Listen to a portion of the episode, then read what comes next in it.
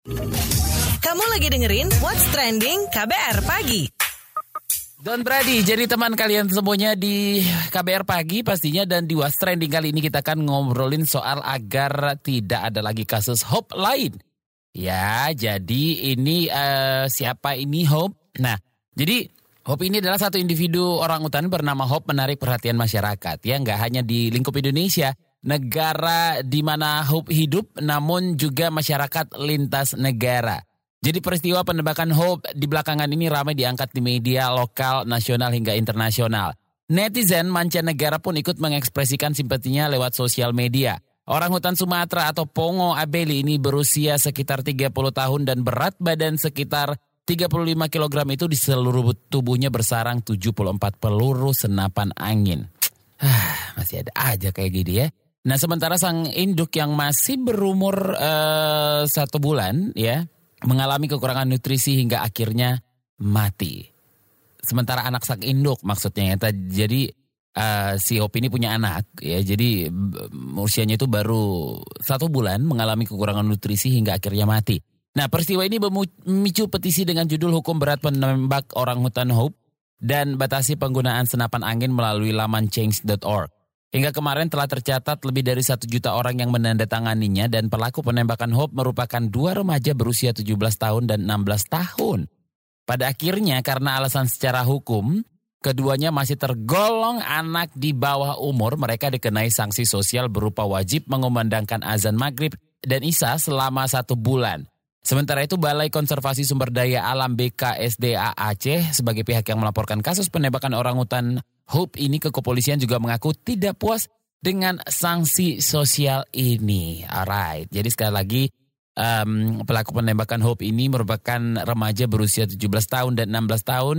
Pada akhirnya karena mereka masih di bawah umur, mereka hanya dikenai sanksi sosial berupa wajib mengumandangkan azan, maghrib dan isya selama satu bulan.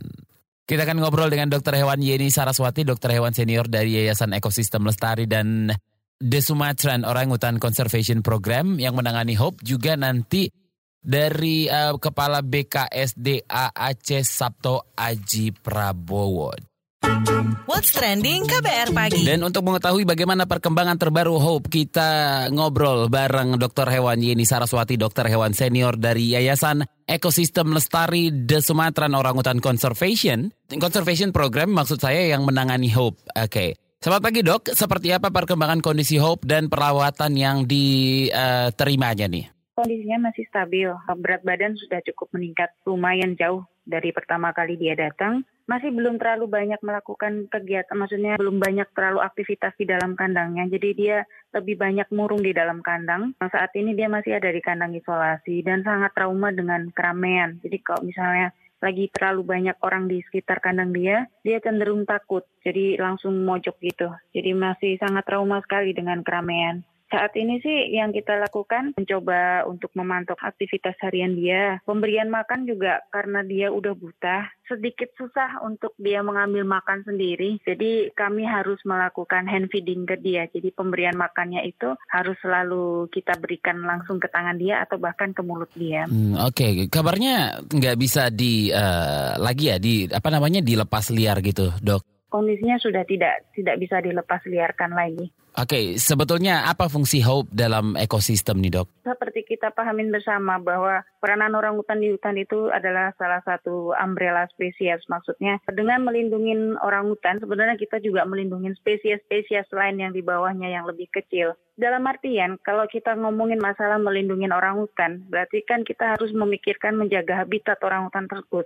Jadi tidak ada perampahan, tidak ada apa. Sebenarnya dengan melindungi orang hutan itu, tanpa sengaja kita juga akan merawat hutannya, yang mana nantinya keuntungannya itu tidak cuma hanya untuk hewannya, tapi untuk masa depan manusia sendiri. Karena seperti kita ketahui sekarang juga, kejadian global warming udah banyak sekali, banjir di mana-mana. Ini sebenarnya adalah efek dari ketidakpedulian kita dengan lingkungan kita kita sendiri. Jadi peranan orang hutan kita ambil aja contoh satu kecil Hope.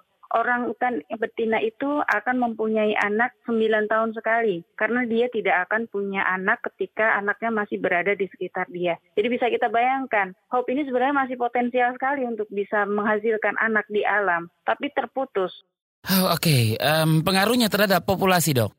Tanpa sengaja kita mencoba untuk menghentikan populasi orang hutan tersebut tanpa diketahui pada dasarnya. Sangat-sangat berbahaya sekali ini sebenarnya kalau kita tetap aja nggak peduli dengan hal ini, dipikirnya ya udah dia kan cuma orang hutan, kita kan manusia. Kita harus gali lagi lebih dalam sebenarnya peranan hewan itu tuh apa dalam ekosistem kita. Peranannya cukup penting sekali. Baik, terima kasih Dr. Hewan Yeni Saraswati, Dokter Hewan Senior dari Yayasan Ekosistem Lestari The Sumatera Orangutan Conservation Program yang menangani Hope. Kamu lagi dengerin What's Trending KBR Pagi.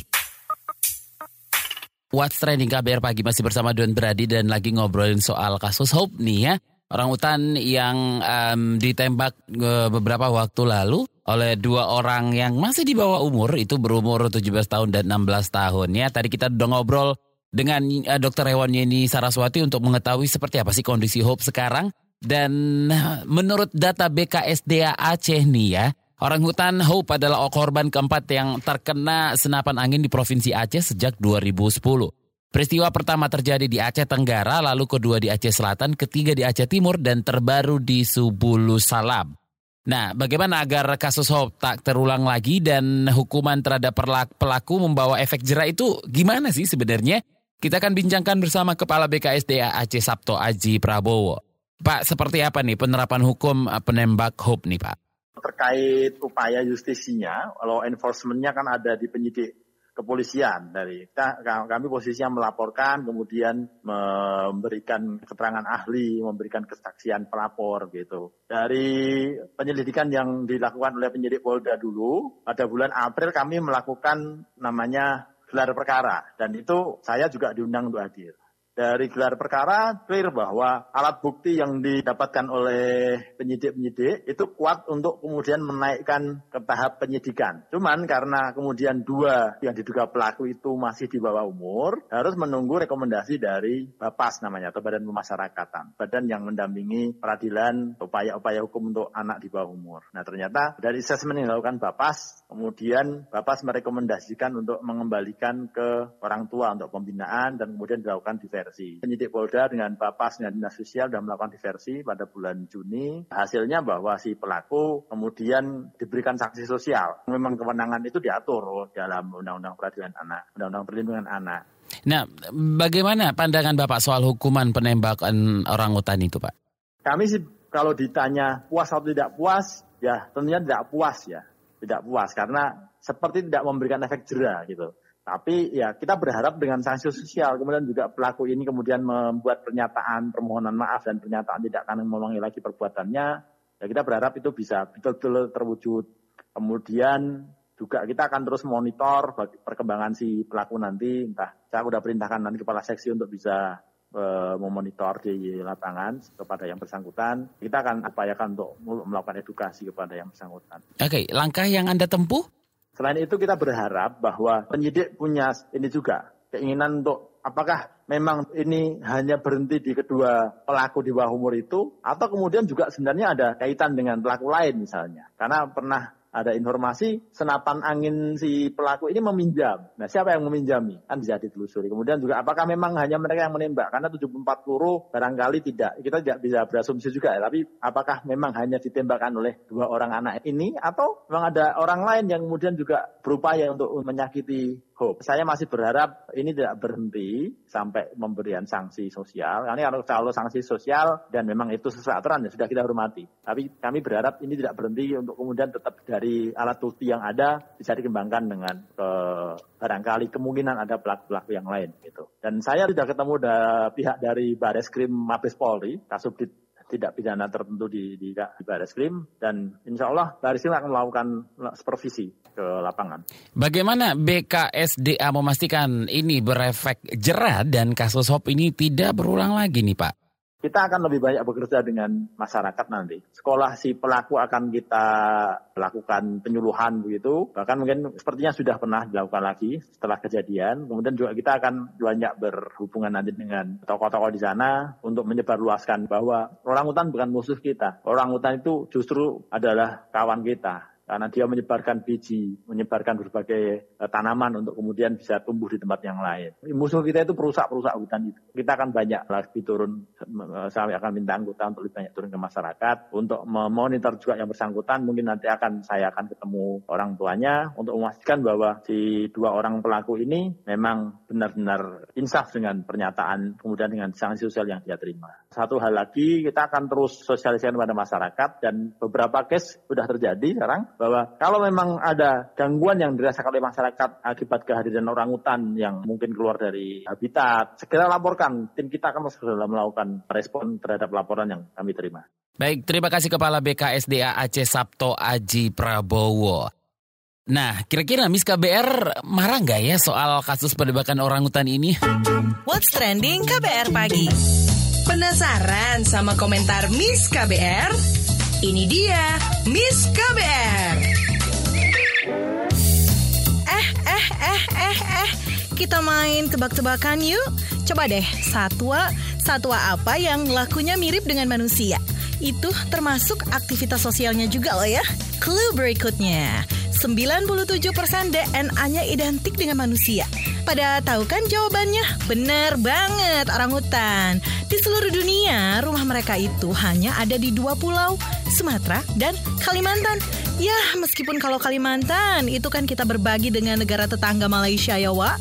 Cuman 90% dari satwa khas ini yang berada di wilayah Indonesia. Uh, menang banyak dong kita. Ini bukan perkara menang atau nggak menang, Bo.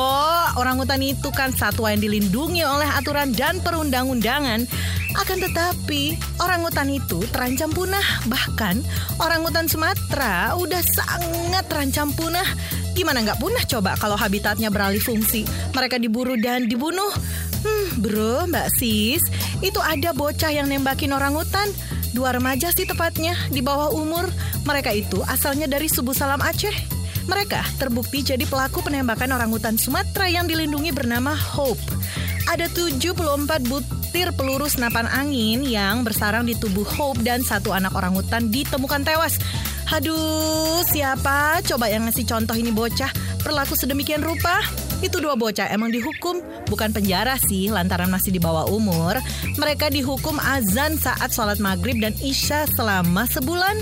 Juga diharuskan membersihkan masjid atau musola juga. Kalau sampai keduanya tidak melakukannya, maka hukuman itu akan diulang lagi dari awal. Hmm, bikin speechless ya hukumannya. Bakal kapok apa enggak? Kurang berat kali ya hukumannya. Punya ide? By the way, saat ini untungnya Hope sudah berhasil diselamatkan. Kabar baik ya? Itu dia tadi komentar dari Miss KBR. Mau tahu besok Miss KBR bakal komentar apa lagi? Tungguin cuma di KBR Pagi.